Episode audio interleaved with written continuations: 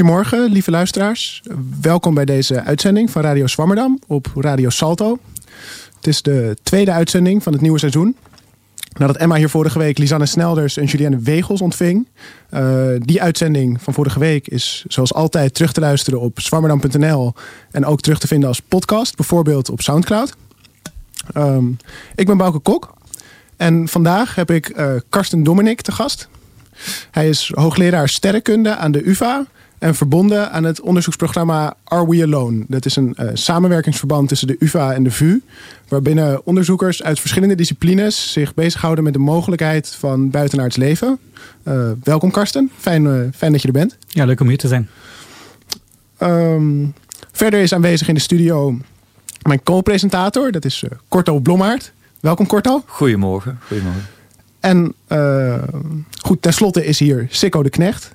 Uh, die een breekpunt gaat zijn in de uitzending door halverwege een column voor te dragen. Uh, welkom Sikko. Ah, fijn om weer terug te zijn. Wil je al iets zeggen over de, de column die je gaat, gaat voordragen? Of moeten we nog heel even wachten tot, uh, tot het nee, moment suprem? We gaan er dan even lekker op door, denk ik. Leuk. Oké. Okay. Um, dat is goed. Nou ja, goed. Dan komen we straks bij je terug. Dan gaan we nu eerst naar Karsten Dominique. Um, onderzoek doet naar buitenaards leven en de, en, de, en de mogelijkheid daarvan. En dat is een onderwerp dat uh, nou ja, nogal tot de, tot, de, tot de publieke verbeelding spreekt. Tot het een soort van sci-fi verbeelding ook. En um, nou ja, daarom leek het uh, me leuk om dat, dat, dat, dat onderzoek ook met een, met een kleine omweg te benaderen. Um, dus door, door, door ook die sci-fi een klein beetje als, als, als uitgangspunt te nemen. In de eerste plaats ben ik wel benieuwd of dat, of dat, of dat dat ergens meespeelt. Die soort van, die soort van publieke, romantische, spannende verbeelding van buitenaards leven. In ook jouw motivatie om, om, om dit soort onderzoek te doen? Ja, dat doet het zeker. Dus ik ben uh, al sinds ik twaalf was of zo een fan van science fiction. En heb uit de bibliotheek altijd de boeken over, um, over ruimtevaart en over buitenaards leven gehaald. Het was toen nog vrij weinig, zeg maar. Dat thema was nog niet groot. Het is in de loop van de tijd veel groter geworden.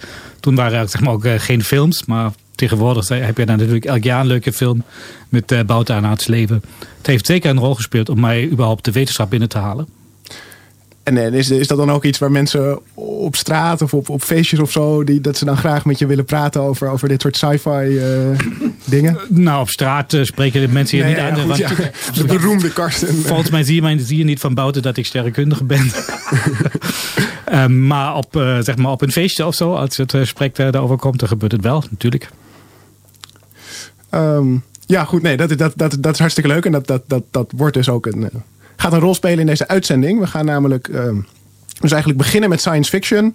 En dan gaan we langzaam uh, aan de hand van een paar fragmenten de, de, de, de, de fictielaag van de science fiction afpellen. Totdat we de wetenschap overhouden. En dan komen we weer terug bij het onderzoek wat jij nu doet. Maar we hebben uh, dus eerst nu een kort fragment van, een, van, een, van een moment dat, dat zowel voor science fiction over, over buitenaards leven als een geschiedenis van, van, van radio um, belang is, van belang is. Namelijk het, het, het hoorspel War of the Worlds van Orson Welles, gebaseerd op het boek van H.G. Wells. Waarin dus de aarde wordt aangevallen door, door buitenaardse wezens, door, door marsmannetjes. En is een hoorspel dat in oktober 1938 op de Amerikaanse radio te horen was. En dat, dat, dat zo realistisch gebracht werd in de vorm van um, van nieuwsberichten die dan een soort muziekuitzending onderbraken. Dat er tijdens de uitzending schijnbaar, hè, zo, wilde, zo wilde legende rondom, uh, rondom de uitzending, grootschalige paniek uitbrak onder de Amerikaanse bevolking. Die echt dachten dat er een invasie bezig was van, van marsmannetjes. Nou goed, daar gaan we heel even naar een klein kort geknipt fragmentje uit luisteren. Wait a minute, something's happening. Humped shape is rising out of the pit. I can make out a small beam of light against a mirror. What's that? There's a jet of flame springing from the mirror and it leaps right at the advancing men. It strikes them head on. Lord, they're turning into flames. Oh, the whole field's caught by the woods, the barns, the, the gas tanks, tanks of the automobiles spreading everywhere. Coming this way now, about 20 yards to my right. Ladies and gentlemen, I have a grave announcement to make. Incredible as it may seem, both the observations of science and the evidence of our eyes lead to the inescapable assumption that those strange beings who landed in the Jersey farmlands tonight are the vanguard of an invading army from the planet Mars. Ja, dat was eh, War of the Worlds. Bloedstollend. Zouden mensen er nu ook nog steeds intrappen? Nee, eh, tegenwoordig geloof je niet meer dat eh, wat je op radio hoort, dat het klopt. Hè? ja, ja. Toen, toen was het wel zo. Eh, en de mensen geloofden dat echt, gods mij. Hm, ja. Ja, goed. En dit is, dit is natuurlijk een manier om buitenaards leven te ontdekken. Hè? Als ze gewoon komen en ons, en ons aanvallen. Ja. Ehm, Het is niet de meest prettige manier, maar nee.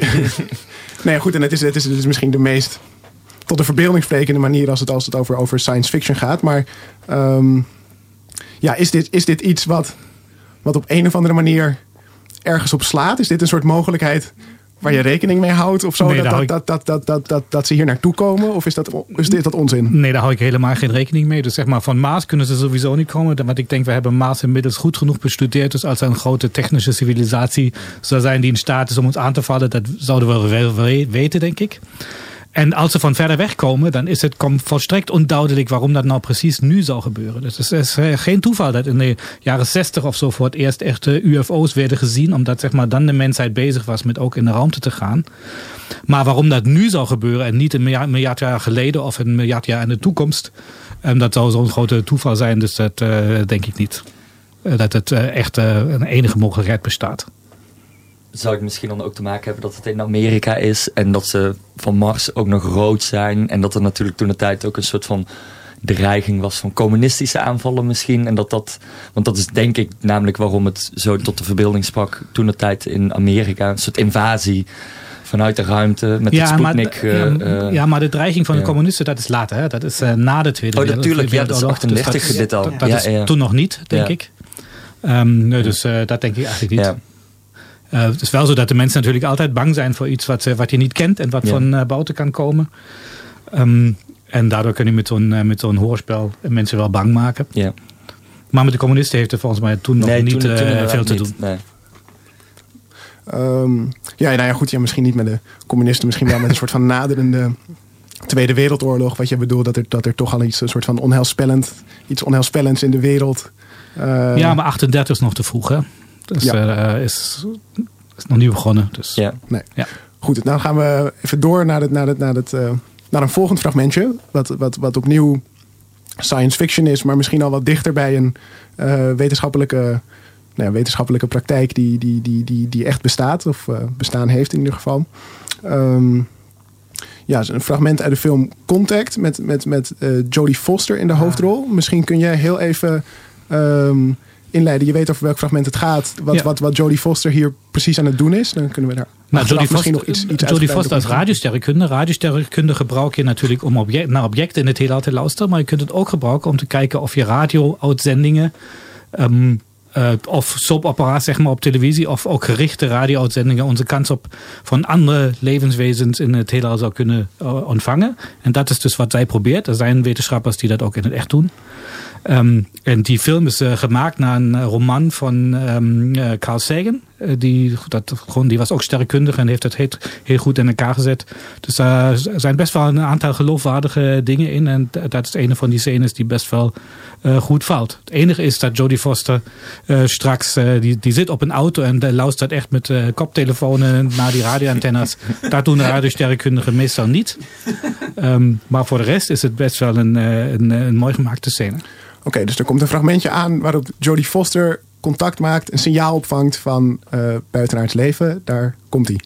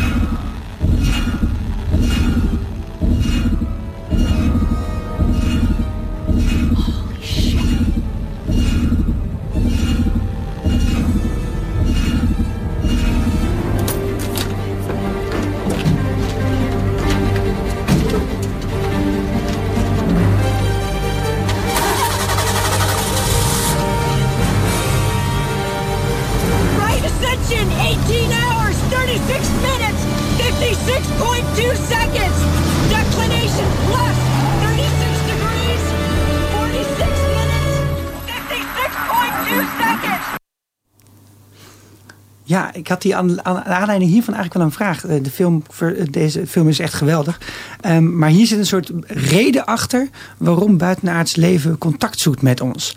eh, in deze film. En ik Ja. meen me te herinneren dat ze op een gegeven moment berichten van radioberichten, televisieberichten waar Hitler ook in zit, ontdekken. En dan zeggen ja, ze zijn nu inmiddels ver genoeg of zo, die mensen, om eens een keer mee te gaan praten. Precies, dus het idee in die film daarachter is dat die buitenaardsen hebben onze eerste televisiezendingen ontvangen en ge- gebruiken dat als vehikel voor hun boodschap. Dus Ja. ze sturen zeg maar die televisieuitzending terug, omdat ze weten dat wij die technologie hebben om dat eh, te kunnen ontvangen. En is dat denk je ook een echte reden waarom buitenaards leven contact met ons zou zoeken? Nou, dat denk ik niet, zeg maar. Want eh, de, zeg maar, onze radio-uitzendingen die zijn eh, maar misschien 50 lichtjaar, de, of eh, misschien ja, 50 lichtjaar de ruimte ingegaan. Eh, dus dat is heel, een heel kleine ruimte. Dus de kans dat we radio-uitzendingen ontvangen van zo dichtbij is heel klein. Ik denk dat komt van veel verder weg. Dus die hebben nog niks van ons ontvangen. Dat er echt eerder een civilisatie moeten zijn die gewoon sowieso de hele tijd de zend- uitzendingen de ruimte instuurt. In de hoop dat dan ooit dat iemand ergens opvangt. Ja. En dat zou dan de reden zijn om contact te zoeken voor hun? Nou, dat, dat is moeilijk te zeggen wat de reden voor hun is. Maar de, zeg maar, eh, wij zijn ook eh, ga- soms eenzaam en wij willen graag contact. Dus eh, ik kan me best wel voorstellen dat er iemand is die een antenne bouwt en gewoon zijn hele leven lang radiosignalen de ruimte instuurt om contact te zoeken. Dat kan ik me best wel voorstellen. Dat Ja. mensen dat doen. Ja. Ehm, goed, we hebben, dit- dit- dus dit, dit, dit, dit fragment is een. Nou, zoals je net al uitgelegd hebt, is, lijkt op, op echt onderzoek dat, Ja. dat gedaan wordt. Maar dan natuurlijk dus enorm geromantiseerd. Dus, dus just Jodie Foster in de grote Amerikaanse vallei. Of, of een soort grote Amerikaanse nacht. Waarin ze luistert eh, op, de, op haar auto naar, naar signalen. Ehm, en wat misschien ook ge- geromantiseerd is, is dat, is dat, dat ene moment waarop, waarop, waarop alles duidelijk wordt. ja. Ehm, dus dus is, dit, is dat echt ook de manier waarop, waarop mensen er naar zoeken? Dat, dat, dat, dat, dat, ze, dat het echt wachten is op een soort van signaal dat binnenkomt, waarin in, in, in, plotsklaps, ehm, nou ja, dus, dus, dus, dus, eh, buitenaards leven zich, zich kenbaar maakt. Ik denk dat hangt af van de techniek. Dus zeg maar, als het inderdaad door zo'n radiozending komt, dan zal het inderdaad best wel plotseling kunnen zijn dat je dat hoort. En eigenlijk meteen overtuigd bent eh, dat dat echt eh, kunstmatig gemaakt is door een buitenaardse intelligentie.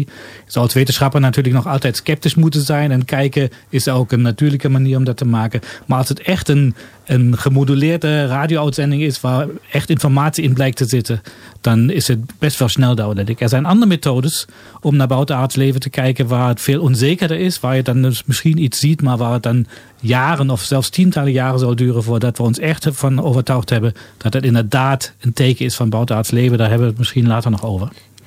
Ja, ja, want we kunnen nu in ieder geval even door naar een, eh, een niet-fictief persoon. Eh nou, Jodie Foster is ook niet fictief, maar zij speelt iemand eh, die fictief is. Een, een niet-fictief persoon die, ehm, die, die, die vergelijkbaar onderzoek heeft gedaan. Namelijk eh, Frank Drake. Die had een eh, instituut dat heette SETI. Dat staat voor Search for Extraterrestrial Intelligence. ja, een straightforward eh, eh, naam. Ehm, Draai er niet omheen. Nou goed, en, en, en Frank Drake, die, die, die is dus, die is dus een, een, een- pionier eh, in, dit, in dit zoeken naar eh buitenaards leven. Heeft ook een belangrijke vergelijking, de, de Drake-vergelijking. Daar is hij vooral bekend om, daar gaan we het zo over hebben. Ehm, maar die heeft dus ook, net als Jodie Foster, ehm, op deze manieren naar, naar, naar, naar signalen gezocht. En daar, daar, daar vertelt hij over. En daar hebben we een laatste eh, kort fragmentje over. Uh, and when you see that and you think you're sure you have detected another civilization, you feel a very special emotion. It is different from all other emotions, so I can't really describe it to you. But it's a, an emotion of elation in a sense that you are now part of some much greater uh, world of knowledge and activity and you have sort of gone through a door into a, a world of new facts, phenomena, creatures uh, that populate our universe. And I felt it at that time. I felt it about twice later when uh, we've done that, had that same experience, uh, such as the time in 1960 when we got the sound.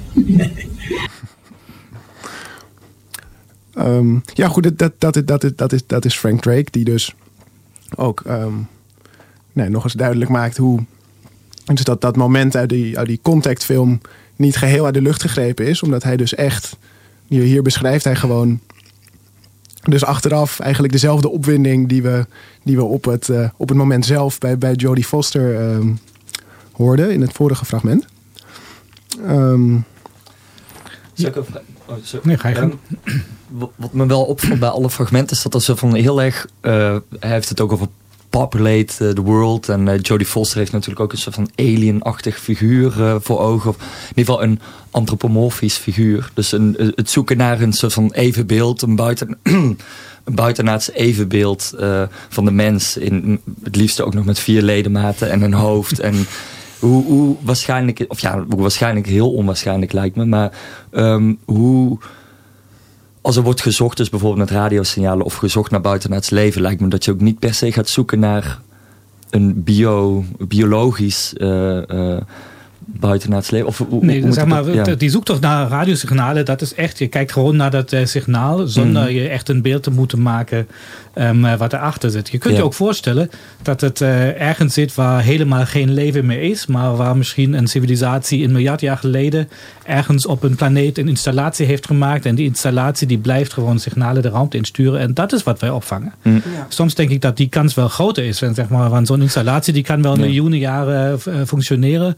of een civilisatie miljoenen jaren overleeft, dat uh, moet nog blijken.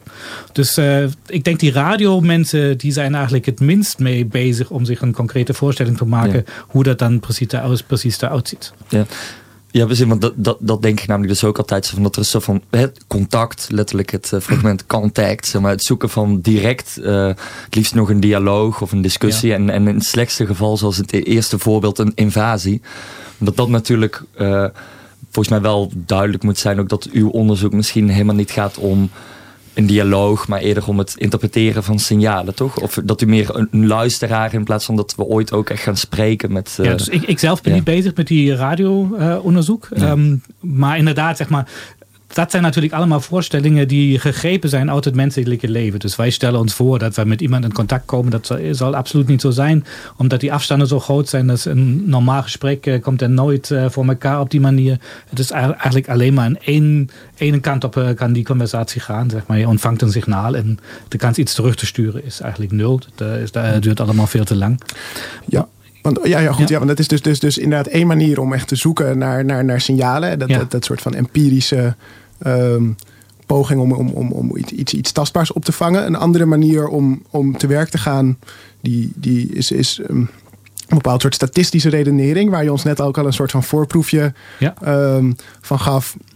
Door die, het te beredeneren dat, dat de, de kans dat, dat ze net nu naar ons toe zouden komen. op een soort van om statistische redenen verwaarloosbaar is. En dus, dus die Frank Drake die we net hoorden, die, die heeft ook um, nou ja, misschien een, een beroemdste voorbeeld van zo'n soort van statistische redenering over buitenaards leven gegeven in de, in de Drake equation. Misschien kan je ja. daar, of de, de, dus de Drake vergelijking, als we dat even. Ja, dus uh, Frank Drake is echt uh, een van de pioniers van dit vak. Hij was, wilde echt graag radiotelescopen gebruiken om op zoek te gaan. En als je dat wilt, dan moet je natuurlijk weten hoe groot is eigenlijk de kans dat ik überhaupt iets kan zien. Dus hij is eigenlijk de pionier, en ook in die zin dat hij voor het eerst een groep wetenschappers bij elkaar bracht om echt na te denken hoe groot is de kans dat er iets, uh, überhaupt iets te vinden is? En daar heeft hij dus die vergelijking opgesteld. Dat is niet zo'n vergelijking zoals je die op uh, school hebt, uh, waar je makkelijk iets invult en dan krijg je een accuraat resultaat. Maar het is eigenlijk meer een denkmodel. Dus hij, hij zegt gewoon, nou laten we even nadenken. Dus hoeveel sterren zijn er? Hoeveel planeten heb je per ster? Wat is de kans dat een planeet op de aarde lijkt? Wat is de kans dat op een aardachtige planeet leven ontstaat? Wat is de kans dat een civilisatie ontstaat die radiostraling kan uitzenden? Dit soort dingetjes. Dus hij zegt, maakt, maakt een vraag die eigenlijk compleet onmogelijk is te beantwoorden. -hmm. Die hakt die dus in stukjes die iets behapbarer zijn. Dus, en wat best wel interessant is, dat toen uh, Frank Drake dat deed, wisten we geen enkele van deze factoren. We wisten echt uh, niet eens uh, hoeveel sterren er zijn, maar we wisten ook niet hoeveel planeten per ster enzovoort.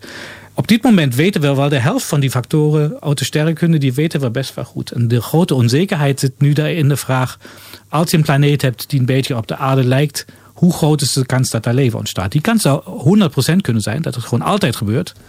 Maar die kan ze ook zo klein kunnen zijn dat uh, de aarde uiteindelijk de enige planeet in het hele is met leven. Dat is nog uh, compleet onzeker. Dus die vraag, daar heb je dan uh, met biologen te maken en met chemici om, om dat voor elkaar te krijgen. En dat is dus waar wetenschappers van verschillende disciplines met elkaar moeten praten.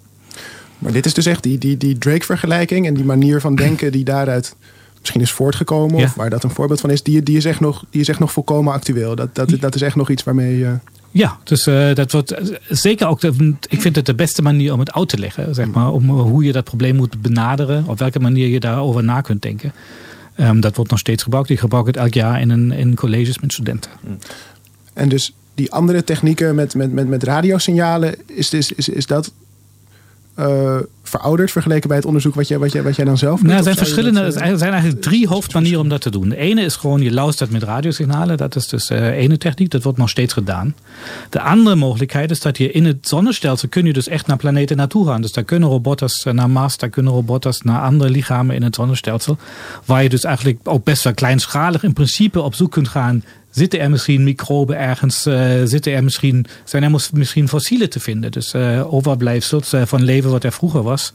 Dat zou best wel concreet kunnen worden. En de derde manier waar eigenlijk op dit moment het meest over wordt gesproken, is dat je kijkt naar andere planeten, naar exoplaneten. Dat zijn dus planeten die niet rond onze eigen zon draaien, maar die dus rond um, andere sterren draaien.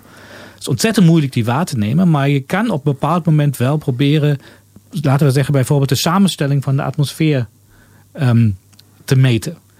En als er leven is op zo'n planeet, dan is het mogelijk dat dat leven de samenstelling van de atmosfeer verandert. Niet alleen zoals wij nu zeg maar bezig zijn om meer CO2 de dampkring in te sturen. Maar het feit dat zuurstof bij ons in de atmosfeer is, is een gevolg van het bestaan van, eh, van algen en planten. Eh, zonder dat zou, dat, zou dat niet zo zijn. En dat is dus een, een manier waar je dus tegelijkertijd naar heel veel verschillende planeten kunt kijken. En uh, dat is eigenlijk de hoofdroute die dat onderzoek op dit moment neemt. Hmm. Ja, en dan vaak hoor je water, toch? In dit soort uh, besprekingen van is er kans op leven? ja, want er is water. Ja. Is dat het enige element waar je echt naar zoekt? Of hebben we inmiddels een breder palet? Um, je moet ook naar andere dingen op zoek gaan. Water is zeg maar. Het, voor, water, op, voor leven op aarde is water onmisbaar. Dus ja. uh, er is er geen leven op aarde wat zonder water zou kunnen bestaan. Dus, uh, en het is natuurlijk altijd makkelijker naar iets te kijken wat je tenminste op een bepaalde manier kunt begrijpen. En uh, op die planeten kunnen we tenminste uitrekenen hoe warm de, op, de planeet is. Dus wij kunnen wel zeggen, nou, daar kan wel vloeibaar water aan de oppervlakte zijn of niet. Met een bepaalde nauwkeurigheid kunnen we dat vertellen. En dat maakt de kans groter dit soort leven te vinden wat uh, wij hier hebben. En dat kunnen we dan misschien ook het meest makkelijk interpreteren als daar aanwijzingen voor zijn. Het is wel mogelijk dat leven op compleet andere manieren werkt. Dat je dus uh, dat leven verstopt is onder een ijslaag of dat je zelfs andere vloeistoffen gebruikt. Zeg maar. Dat je dus op een planeet bent waar dus niet door het water wordt overheerst, maar misschien door, door vloeibaar methaan of door, ja. door andere stoffen of zoiets. Um, dan wordt het moeilijker om die aanwijzingen daarvoor te interpreteren, omdat wij niet precies weten hoe zo'n organisme dan in zou uh, zitten. Hmm. Laten we nog heel even dus een, een, misschien een stapje terug doen. Want je, ja? dus, dus, dus tussen die drie vormen van onderzoek, dus radiosignalen, planeten binnen het zonnestelsel en planeten buiten het zonnestelsel, ja.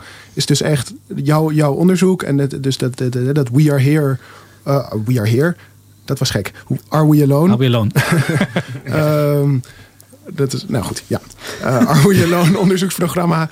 Um, is, is dus echt gericht op dat, op, op, op dat laatste. Dus op die, die, die, die planeten buiten ons. Uh... Ja, dus nou die vraag, Are We Alone, die probeer je op alle drie verschillende manieren uh, te beantwoorden. Maar dat onderzoek waar we hier in Amsterdam uh, nu proberen op te zetten, daar gaat het eigenlijk meer om de derde methode daarvan. Ja, ja en dat is, dat is een.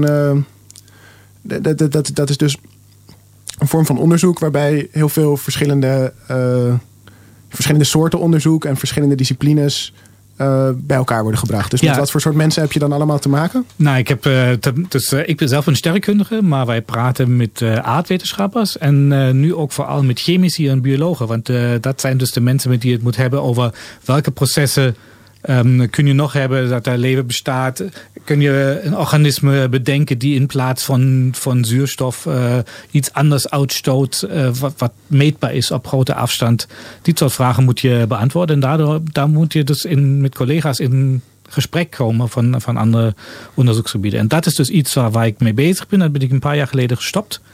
Uh, begonnen, niet gestopt. Een paar jaar geleden ben ik daarmee begonnen om uh, te proberen met uh, die mensen aan de praat te, komen.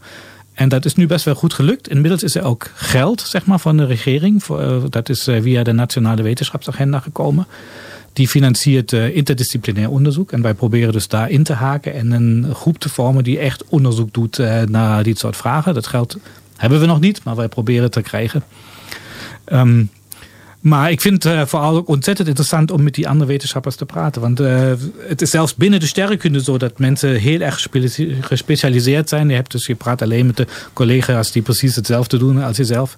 Maar dan gewoon breder te gaan met alle sterrenkundigen, maar dan nog breder te gaan met andere wetenschappers te praten. Dat is uh, heel spannend. heel moeilijk ook, omdat de taal anders is die je gebruikt. Maar het is uitdagend en heel boeiend. Oké, het is, uh, ja, daar gaan we het, het, straks uitgebreid verder over hebben, over het, het, onderzoek dat je doet. Maar het is nu tijd voor de, voor de column, dus ik geef het woord aan, uh, aan Sikko. 11 uur 28 precies. Mijn column heet Flunkies, Boxstickers en Duct Tapers. De zomer is een goed moment om eens even lekker te gaan zitten voor een interessant boek. Voor mij was het afgelopen hittegolf het boek Bullshit Jobs van de Amerikaanse antropoloog David Graeber. In zijn boek doet hij een poging tot het formuleren van een theorie over, theorie over hoe het toch komt dat er zoveel mensen zijn die werk hebben waarvan ze zelf vinden dat het er totaal niet toe doet. Dat doet hij naar aanleiding van een essay dat hij een paar jaar geleden schreef. On the Phenomenon of Bullshit Jobs. Daar kreeg hij nogal wat reacties op. In zijn eigen onderzoek en andere enquêtes gaven andere mensen aan, talloze mensen, het gevoel te hebben dat er werkelijk niets zou gebeuren als ze morgen niet naar hun werk zouden gaan. In een interview met de Amerikaanse tv-zender CNN was de tweede vraag die hij van de interviewster kreeg gericht aan hem. De vraag was: Denkt u dat uw baan als docent geldt als een bullshit job? Hierop kwam hij terug met het antwoord nee. Ik denk dat er eigenlijk niets minder bullshit is dan dat mensen elkaar wat leren. Lesgeven kan wel een shit job zijn, maar zelden of nooit een bullshit job. Er zijn veel shit jobs. Banen die wel degelijk iets bijdragen, maar onder sommige omstandigheden gewoon heel zwaar of vervelend worden. Denk aan onderbetaalde schoonmakers, verplegers, treinconducteurs. Banen met een duidelijke en onmisbare functie die door roosters, rendementsmaatregelen of andere dingen onpersoonlijk en veel te zwaar worden. Het gaat dus om mensen wiens werk er in hun eigen optiek niets toe doet, niets bijdraagt. En in een Nederlandse enquête, uitgevoerd door het bureau Schouten en Nelissen, onder 1900 werknemers, gaf maar liefst 40% aan hun eigen werk niet zinvol te vinden. En erger nog, als je verderop doorvraagt, geven veel van deze mensen aan daar doodsongelukkig over te zijn. Hoe komt dat in vredesnaam? Dat klopt toch helemaal niet met wat de standaard economische wijsheden ons voorschrijven? Er horen toch helemaal geen banen te zijn die niets toevoegen? En als je al werk hebt waar je weinig voor moet doen, waarom ben je dan niet gewoon blij dat er aan het einde van de maand ook nog eens voor betaald wordt? Nadat Graeber een kleine taxonomie heeft gemaakt van het type bullshit jobs, komt hij met een verklaring voor de emotionele druk die werknemers in deze positie hebben. Daar kom ik zo op, maar ik kan het niet laten eerst even een paar van deze prachtige voorbeelden te noemen. We beginnen bij flunkies. Flunkies zijn banen die als primaire doel hebben om iemand anders zich belangrijk te laten voelen. Graeber heeft het hier over receptionist op een kantoor waar eigenlijk nooit iemand langskomt. Conciërges in een lobby van een chic appartement die heel af en toe een deur open moeten maken. Of over persoonlijke assistenten van mensen die absoluut niet belangrijk genoeg zijn om een assistent te hebben.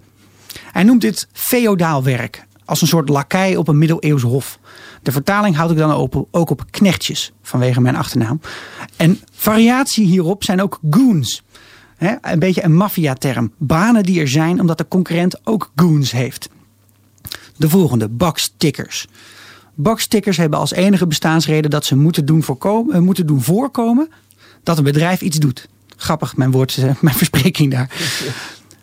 Maar dat is dan vaak iets wat het bedrijf eigenlijk helemaal niet doet. Dus je moet denken aan een consultant die met stoom en kokend water wordt gevraagd om een risico te analyseren voor een bedrijfsfusie. En dat die analyse dan vervolgens nooit wordt gelezen door iemand. Maar ja, ze hebben wel de compliance gehaald. De laatste die ik noem is de duct taper. De ducttapers zijn mijn absolute favoriet. De term komt uit de softwareontwikkeling en duidt op een in de kale vorm op iemand die constant bezig is om twee programma's die niet compatible met elkaar zijn, toch met elkaar te laten praten. Het is werk waarvan ik altijd heb gedacht dat Chandler van Friends dat doet als transponster. Graeber past het toe op alle banen die alleen maar bestaan omdat er gewoon een foutje in de organisatie is geslopen. Waardoor bijvoorbeeld twee mensen, een paar departementen of wat processen van het bedrijf niet samenwerken. Problemen die je gewoon op zou kunnen lossen als je er een middagje goed voor gaat zitten. Maar waar niemand de moeite voor neemt om het eens een keer goed te doen. Na het horen van deze voorbeelden kan de luisteraar zich misschien al wat beter voorstellen waarom het gewoon psychisch pijnlijk kan zijn voor mensen om dit werk te doen. Graeber gaat heel diep in op wat hij zelf spiritueel geweld noemt. Het diep persoonlijke en omvattende besef dat je niets bijdraagt, kan mensen heel erg neerslachtig maken. En dat concludeert hij uit tientallen gesprekken met deze mensen. Hoe komt dat nou? Waarom zijn mensen nou niet gewoon happy dat ze worden betaald omdat ze, omdat ze uit de neus zitten te eten? Om die vraag te beantwoorden grijpt Graeber, zelf een antropoloog, terug op de Duitse psycholoog en filosoof Karl Gross. Gross was de eerste die in 1901 een essentiële observatie beschreef die hij the pleasure of being the cause noemde. Het plezier dat komt met het besef dat jij een oorzaak bent. Groos beschreef dit effect bij kleine kinderen die buitenzinnig gelukkig worden wanneer ze er voor het eerst bewust van worden dat wat zij doen effect heeft op de wereld. Het doet er niet heel veel toe wat die handeling dan is: een balletje rollen, een bord op de grond gooien, een vliegje wegjagen. Het gaat erom dat een actie een gevolg heeft. Dat is in zekere zin het bewijs dat jij bestaat. En dit intense gevoel van geluk kent ook een schaduwzijde. Namelijk het ongeluk dat gepaard gaat met de realisatie dat jouw acties er niet toe doen. Graeber past dit toe op de werknemers die uren achtereen gedwongen worden om iets te doen dat binnen een wat groter kader geen enkel doel dient. Mensen die worden geplaagd door het gevoel van nutteloosheid en zodra ze dit aankaarden bij hun leidinggevende te horen krijgen, doe maar alsof je iets nuttigs doet. Je werkt immers in de basis zijn tijd. Als we nu stellen dat een bepaalde bedrijfstak of baan er gewoon niet toe doet. Waarom zou het dan zinvol zijn om die kantoren van die mensen schoon te maken? Het is een gevaarlijk pad om af te gaan, maar denk je nou eens in dat jouw baan als ICT'er er niet toe doet, omdat degene voor wie je ICT-ondersteuning levert er ook niet toe doet. Dan is het antwoord dat er nou eenmaal vraag naar een product is, waarschijnlijk niet voldoende. Nut, waarde en betekenis zijn niet hetzelfde. Het is een discussie op zich om die uit elkaar te halen en te duiden. Maar wat ik leer van Graeber is het volgende. Het feit dat je nou eenmaal geld verdient met een baan is niet voldoende voor de individuele persoon als reden. En dus ook niet voor ons allemaal. Waarom zou het dan ineens wel volstaan als uitleg van waarde? We zitten met een fors probleem van zingeving. En onze vrijheid wordt danig beperkt door te denken dat elke activiteit die geld genereert waardevol is. Wat ik de luisteraar vandaag mee zou willen geven, is om eens over dit onderwerp na te denken en jezelf en anderen de vraag te stellen: waarom doe jij nou wat je doet?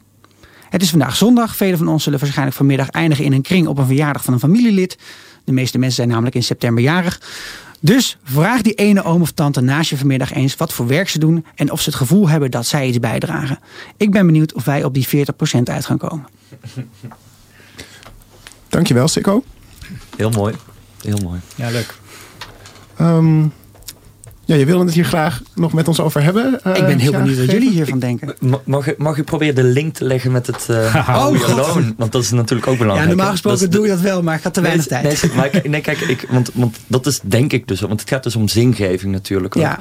Of tenminste, dat, dat, dat is denk ik het, ding, hè, dat je de oorzaak wil zijn of dat je, een, dat je belang eh, wil hebben.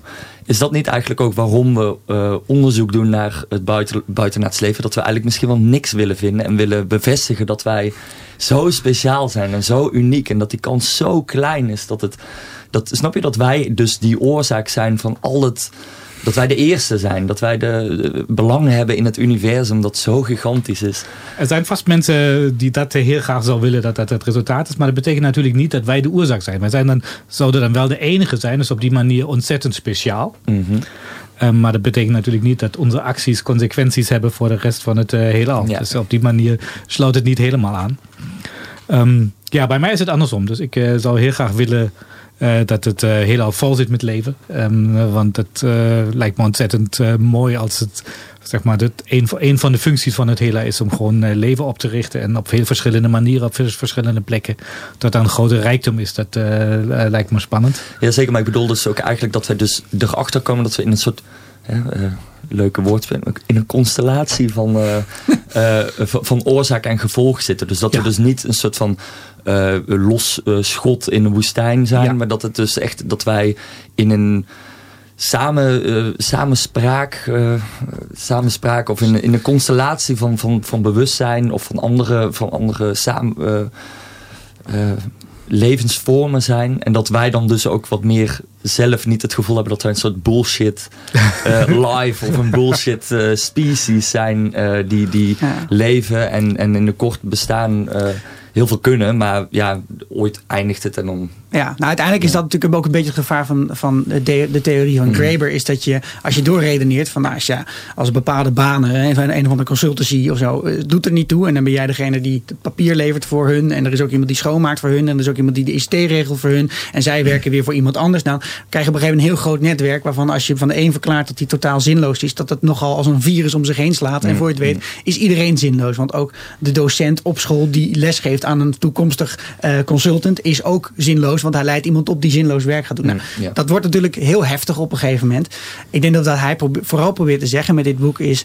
we moeten niet doen alsof alleen maar het feit dat ergens geld mee wordt verdiend... ook betekent dat het bijdraagt of nuttig is. Of dat, en het, de reden waarom hij echt is gaan lopen van hier is iets aan de hand... is dat die mensen dus zelf zo ongelukkig zijn. Hmm. Dat vind ik ook het enge eraan. Ja, ja ik zou hier... Graag nog lang over doorpraten. Maar we willen toch misschien ook heel even door naar het uh, meer inhoudelijke. Of nee. meer inhoudelijk ten opzichte van wat er voor de column gebeurde. Niet inhoudelijk ten opzichte van de column. Hoewel voor de column, ik vond het hartstikke leuk voor de column. Um, nee, goed. Meer inhoudelijk is ongelukkig uh, gevonden. We, gaan, we gaan door naar het, naar het, naar het, uh, het specifieke onderzoek waar uh, Karsten Dominique op dit moment mee bezig is. Um, dus we gaan even weg van de bullshit jobs en hen naar de, naar de jobs die nou ja, geen, geen bullshit jobs en hopelijk vaak ook geen shit jobs zijn. Maar um, nou ja, spannend onderzoek. Ik beweer altijd dat ik de beste baan van de wereld heb. Dus, ja. Kijk aan, en, en, en binnen die beste baan van de wereld doe jij onderzoek naar protoplanetaire schijven en exoplaneten. Wat dus aansluit bij dus dat, die ja. derde benadering. Zoeken buiten het zonnestelsel waar je, waar je het eerder over had. Dus, dus ja, kun je iets, iets, iets zeggen over deze? Ja, dus uh, mijn onderzoek begint echt aan het begin. Dus ik uh, kijk naar plaatsen waar planeten worden gevormd. Want uh, uiteindelijk, als je bij die vraag terecht wilt komen, kan er leven zijn op een planeet, dan moet je weten wat is de samenstelling van die planeet, op welke afstand uh, staat die van een ster. En dus ik onderzoek de vorming van planeten. En dat gebeurt in protoplanetaire schijven. Protoplanetaire schijven zijn afgeplatte structuren. Die vind je eigenlijk rond elke jonge ster, elke net gevormde ster, vind je die afgeplatte structuur. En daarbinnen uh, ontstaan planeten. En uh, wij proberen die waar te nemen, dus uh, zichtbaar te maken. En wij doen ook modelberekeningen waar we doorrekenen hoe is die structuur nou, welke processen gebeuren daar. Hoe werkt het eigenlijk dat je uit die, schijf een, een planeet maakt? Uh, hoe gebeurt dat allemaal? Wat is de samenstelling die je daar krijgt? Dat is het werk wat ik doe. En is er dan dus bij de zoektocht naar buitenaards leven nog, nog, nog een soort, soort iets heel belangrijks in het uh, onderzoeken van planeten, eigenlijk nog voordat ze planeten zijn? Kun je, kun je daar op de een of andere manier meer informatie uithalen dan, dan het onderzoeken naar bestaande Ja, dus zeg maar, het, het, het, probleem is dat planeten zelf zijn heel moeilijk om te zien.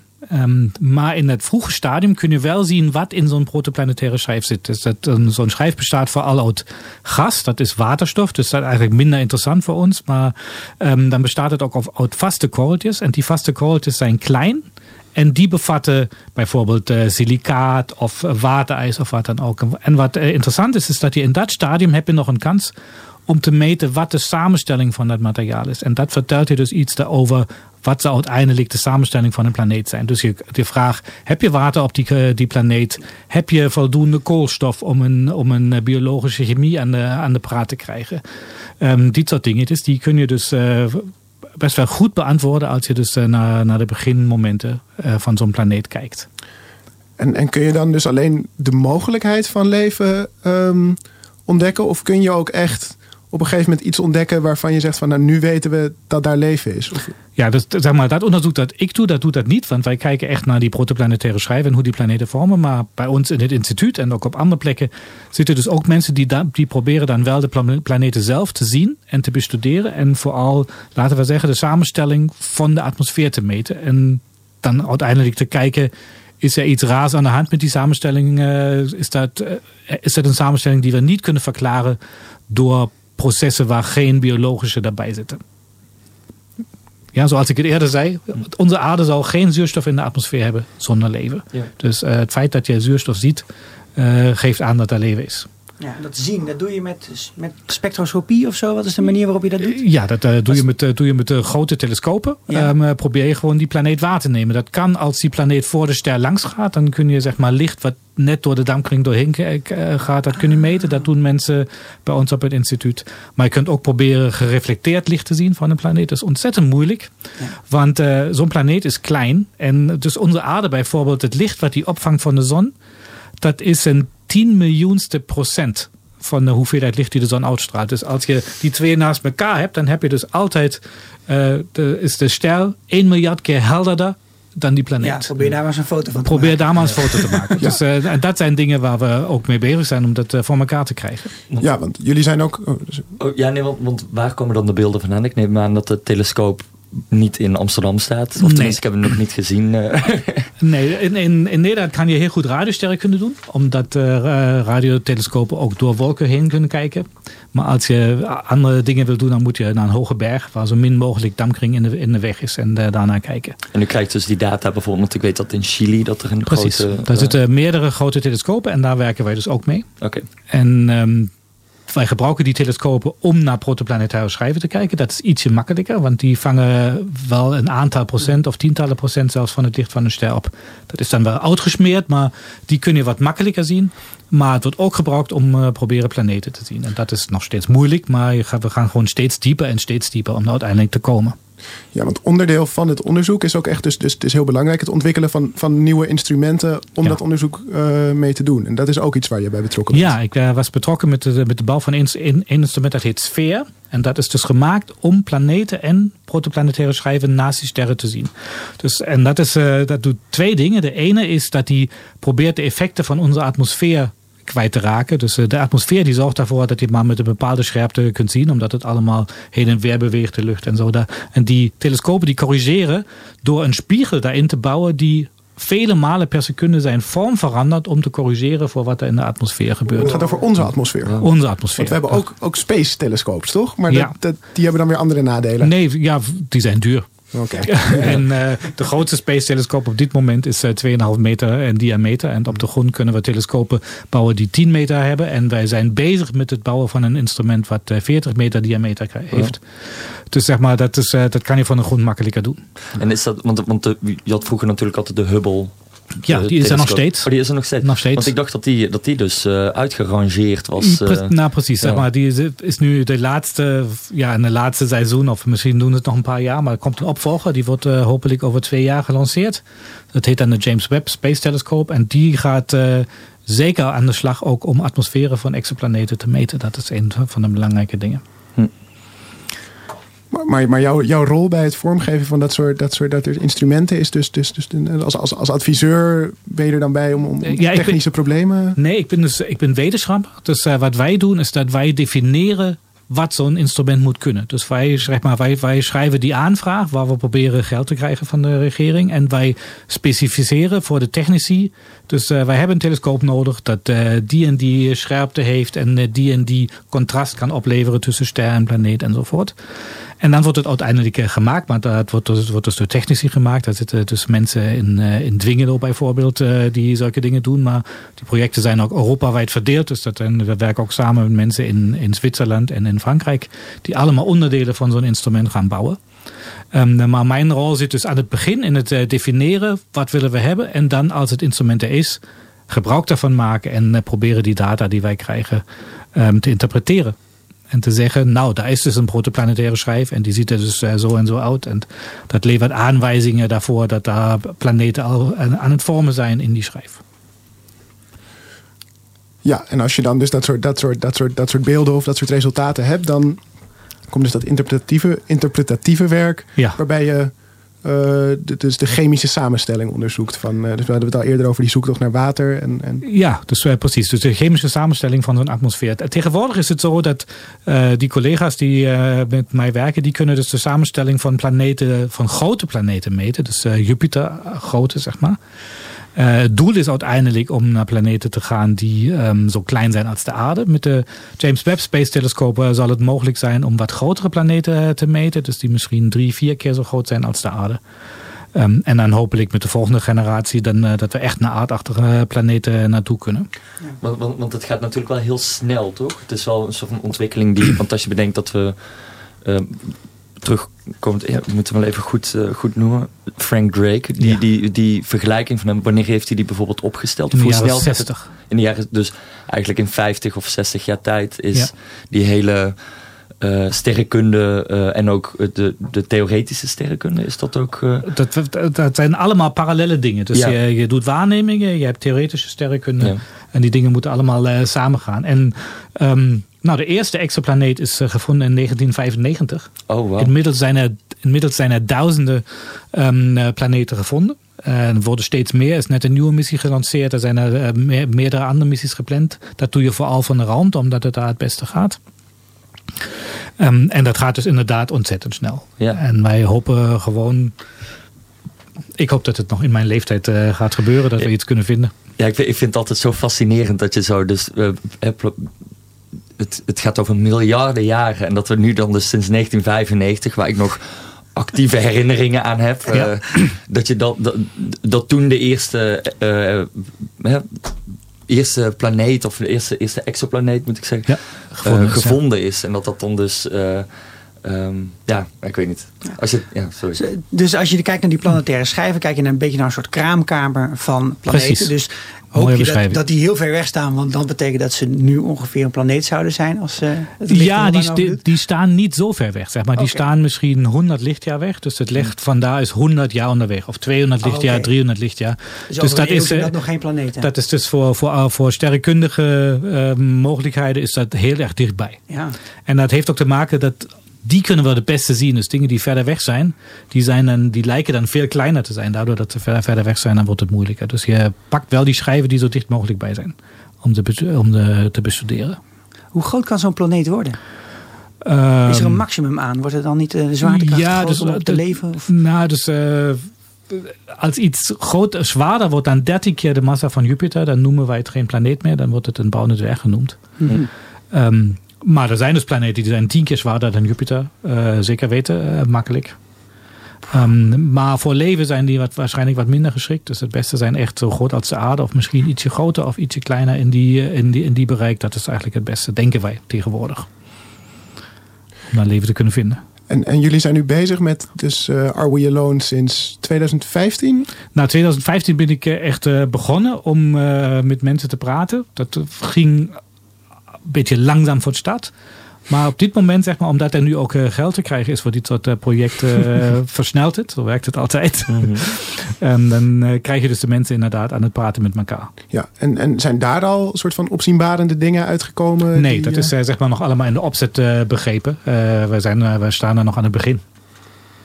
Oké, okay, maar dus, dus, dus, dus misschien ook enige, enige progressie in, dus in, in, in, in, in de instrumenten. Ik bedoel, ja. het gevoel dat er, dat, er, dat er wel, dus misschien inderdaad geen baanbrekende resultaten, maar dat, dat er toch bepaalde dingen inderdaad in beweging zijn. Niet alleen institutioneel gezien, maar ook qua, qua, qua opzet van het onderzoek. Ja, nee, is ook zo. Zeg maar, dat dan ook de, de biologen bijvoorbeeld, die proberen te begrijpen wat is eigenlijk leven uiteindelijk? Uh, proberen dat überhaupt te definiëren en uh, ook terug te brengen. Er zijn bijvoorbeeld uh, ideeën om een, een, een, kunstmatige cel te maken die zo eenvoudig mogelijk is. Dus de minimale hoeveelheid genen, de minimale hoeveelheid um, proteïnen die daarin worden gebruikt. Om te kijken, nou hoe complex moet die eigenlijk worden voordat iets überhaupt in leven kan zijn. Dat is een van de dingen die, die worden onderzocht.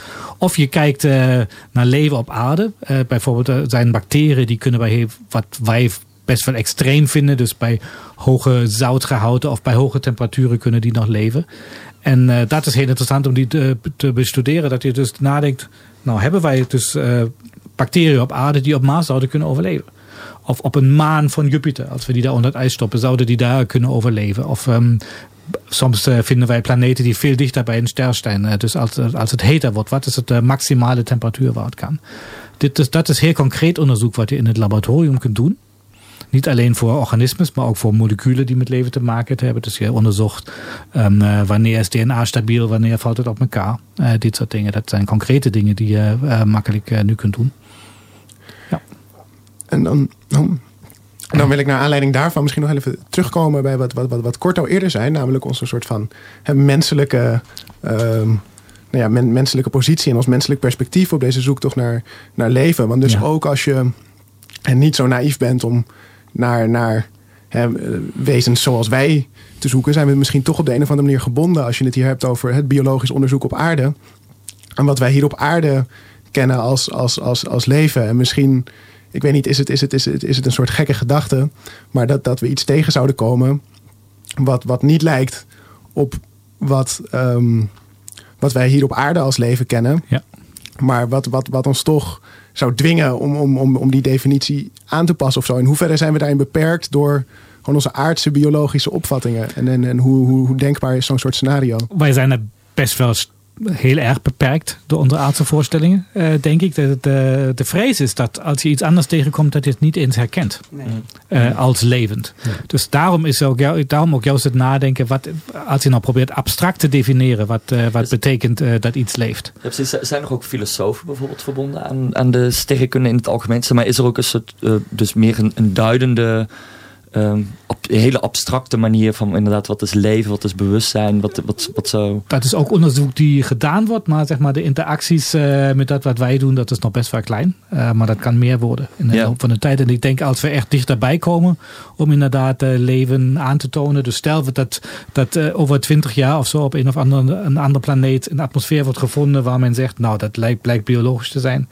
Ik denk dan komt zoiets in een versnelling terecht en dan komt die, zeg maar die interpretatieve en ook die sociaal eh maatschappelijke interpretatie, interpretatie, interpretatie ehm, dat zou dan eh, belangrijker worden en mensen gaan er dan eh, meer over nadenken. Ja. Maar jullie hebben nu nog geen vacatures openstaan, PhD-plekken in deze richting. Eh, nee, In filosofie, eh, Ja, ja. PhD-plek, Nee, ben je dat op zoek naar een geintje. PhD-plek? Astrofilosofie. Ja, ja. Dus, eh, het klinkt wel goed. eh. Astrofilosofie, oké, dat is een nieuwe. Ja. Astrobiologie is al een eh, Ja. onderzoeksvak, maar astrofilosofie nog niet echt. Nou is, nou is, kijk maar, welk onderzoek we gaan doen is natuurlijk, eh, zoals net eventjes al werd genoemd, eh, is altijd een strijd om geld. Ja. En eh, het is eigenlijk een beetje de vraag van wie gaat dat geld krijgen om het onderzoek te doen wat, eh, wat je graag wil doen. Ja. En eh, nou, jullie gaan dan nu een hele grote telescoop bouwen bijvoorbeeld. En eh die hebben geld binnengehaald om dat via deze route eh, de vraag te beantwoorden of er buitenaards leven mogelijk is en waar het dan zou zijn. Maar altijd als ik de Blue Planet kijk of iets in die richting, dan hoor ik altijd die stem van David Attenborough zeggen van ja, we hebben ook oceanen. En eh, die, eh, daar zijn we eigenlijk minder vaak geweest dan op de maan en in de ruimte. Ja. En daar gebeuren toch hele aparte dingen. Die gekke bacteriën zitten daar ook. Moeten we niet veel, veel meer op onze eigen planeet gaan kijken? Ja, dat is altijd een competitie. Hè? Dus eh, Ja. zeg maar, het is altijd beperkt hoeveelheid geld. En eh is altijd competitie wie dat eh, geld gaat krijgen. En dus eh, het gaat erom eh, wie kan het publiek enthousiasmeren en eh, politici In- in- overhalen. Om, in radioprogramma's komen. Ja, Bijvoorbeeld, dus ik ben hier, Propaganda. ben hier mee bezig op dit moment. Nee, tuurlijk. Ja. Ehm, het is een hele goede, belangrijke vraag. Dus de mensheid moet kiezen eh, Ja. waar ze geld voor wil investeren. Ik zie zeg maar, dit soort onderzoek altijd als eh verbeelden vooral. Dat, ik vind het eigenlijk bijna als cultuur. Dus wij maken ook muziek. En eh, wij doen wetenschap die heel veel mensen interessant vinden. Waar, waar vragen worden beantwoord. ehm, eh, die, waar heel veel mensen de antwoord graag willen weten. Maar, maar het lijkt me ook dat je dus eh, door te kijken naar andere planeten natuurlijk ook jezelf weet. Een soort van kijken in de spiegel, maar misschien zelfs in een soort gekke lachspiegel. Ja. Eh, de, de, het ontstaan van, van de eigen planeet. Ik denk dat dat natuurlijk ook Dat is heel erg tot de verbeelding spreekt bij sterrenkunde. Dat je dan erachter kan komen hoe wij eh, ooit, eh, of misschien wel vanuit één cellig wezen naar of zoiets. Of Mhm. trouwens, dat is misschien om Ja, het zijn ook concrete voorbeelden. Bij, als je kijkt naar in een zonnestelsel, heb je dus Venus en de aarde en Mars. Dat zijn eh, drie planeten. Die zijn binnen factor 2 even groot ongeveer. Maar klim- qua klimaat ontzettend verschillend. Dus op Venus is het vreselijk heet. Mars heeft zijn atmosfeer verloren en daar is het koud. En op aarde is het eh, precies lekker. Precies lekker.